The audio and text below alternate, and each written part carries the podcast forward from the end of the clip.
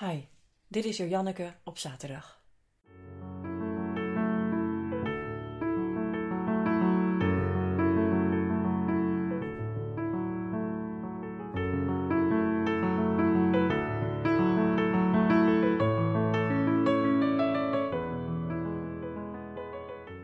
Hoe blijf je veerkrachtig als er tegelijkertijd rare dingen gebeuren?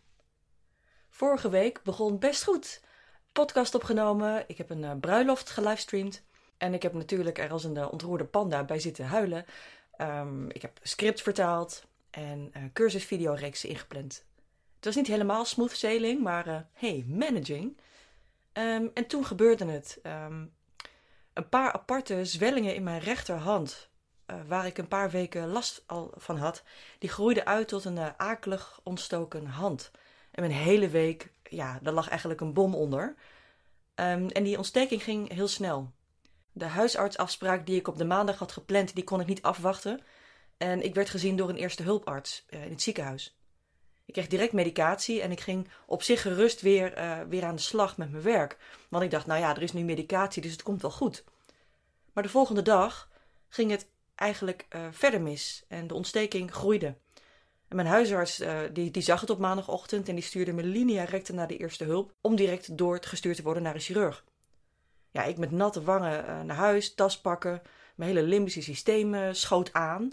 en ik pakte mijn tandenborstel, mijn iPhone-lader en wat andere basics voor een eventueel verblijf in het ziekenhuis. En natuurlijk het hele gave boek over Tudor History dat ik van vriendin Elze had geleend. Dus van een podcast inspreken schaalde ik over naar een chirurg die zou inschatten of ik mijn vingers wel of niet zou kunnen houden. Of in ieder geval geopereerd zou kunnen worden. Die dag.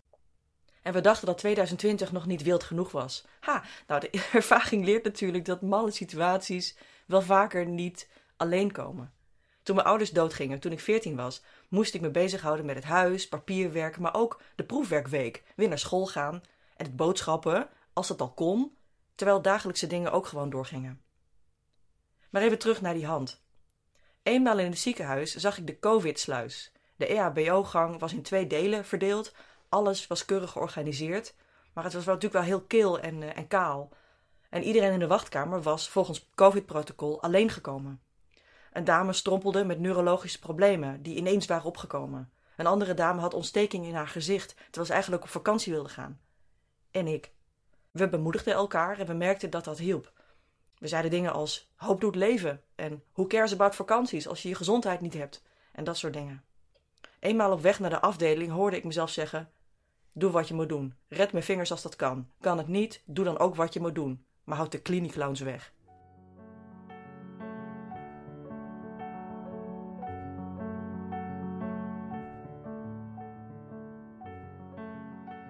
Ik flapte er gewoon uit.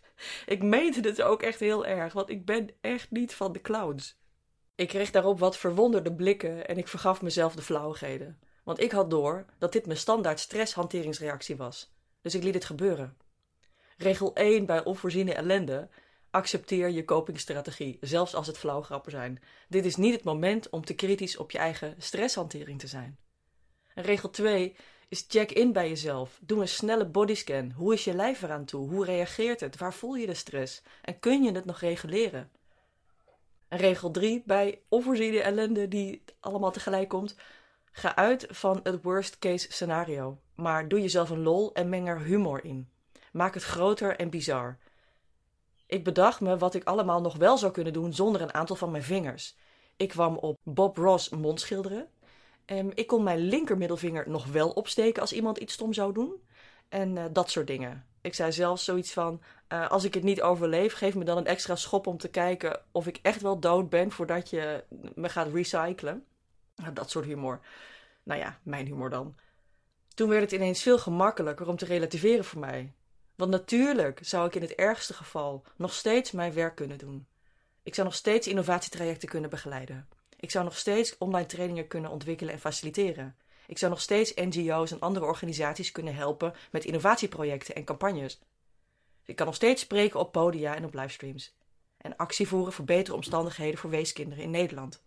Praten, podcasten en meer. No problemo. Dus dat was helder.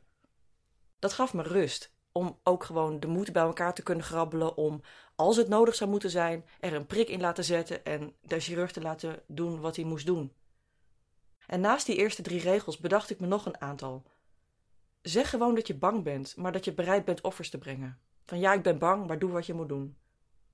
En verbind je met een vertrouwd persoon, ook als diegene alleen telefonisch bereikbaar is door social distancing en ziekenhuisbeleid. Ik had uh, via WhatsApp contact bijvoorbeeld met uh, twee van mijn vriendinnen. En dat hielp. En dan go in head first. Niet omkijken, maar gewoon gaan. Toen ik mijn tas inpakte voor het ziekenhuis, heb ik niet omgekeken. Ik ben gewoon weggefietst. En we proberen ook als je um, ja, je overweldigd voelt door al die, uh, al die uh, rare dingen die tegelijkertijd gebeuren, bemoedig een ander. Daar waar je het zelf ook kunt gebruiken. De ervaring delen helpt. Want hoop doet leven zeggen tegen een ander helpt je allebei. Dus eigenlijk is het veerkracht en selfcare bij rampen in zeven stappen. Veerkracht groeit meestal in messy omstandigheden. Het mooie hiervan is dat in de messy middel niets vaststaat. Dat kan eng zijn, maar soms is dat juist goed nieuws, want het betekent dat er altijd iets te redden valt.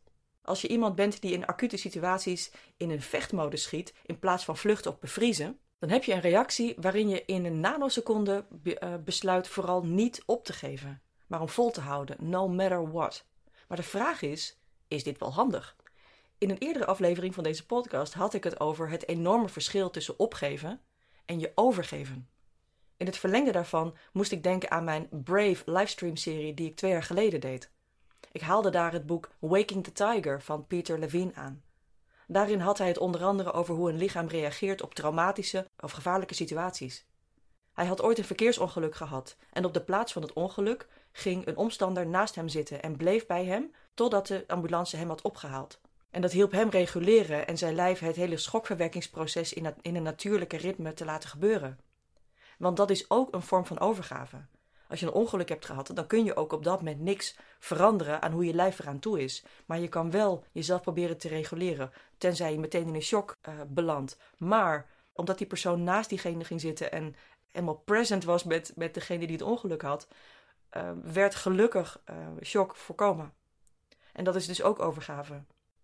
Het is als het hertje dat wordt achtervolgd door een tijger en gegrepen wordt en uiteindelijk geen keuze heeft dan het onvermijdelijke te laten gebeuren. Iets soortgelijks gebeurt er in acute stresssituaties. En als het wijs is om je over te geven, is dat voor je lijf en je stresshormonen en je zelfregulering het snelste proces om er, in ieder geval mentaal, snel weer bovenop te komen, om er doorheen te komen. Het is dan ook zaak om te herkennen wat wijs is: doorvechten of je overgeven. In mijn geval was het proces heel vlot. Ik schakelde snel naar de conclusie dat ik koste wat kost de infectie weg wilde hebben, ook als dat iets echt heel akeligs als invasieve operatie of erger zou kunnen betekenen. Prik erin, geen clinic lounge. De conclusie gaf me rust, want er was kans dat het nog goed zou komen. En de chirurg zei vervolgens dat hij eigenlijk nog niet meteen wilde snijden, maar het alsnog met medicatie wilde proberen en dat ik het een paar dagen zou monitoren en dat iedere dag de arts zou kijken. In de loop van de week begon de infectie gelukkig te verminderen. Hij had het goed ingeschat. Helemaal tof natuurlijk. En iets om echt super dankbaar voor te zijn. Want ja, je vingers hebben echt uh, vrij essentieel. Maar omdat ik me had overgegeven en eigenlijk al uh, worst case scenario had bekeken, maar ook daar humor in had gelegd, hadden mijn hersenen genoeg peace of mind om de dingen te doen die ik ook moest doen in die week. Zoals mijn inspreektekst opstellen voor de gemeenteraad van Amsterdam. En een e-learning journey ontwerpen en stichtingzaken voorbereiden.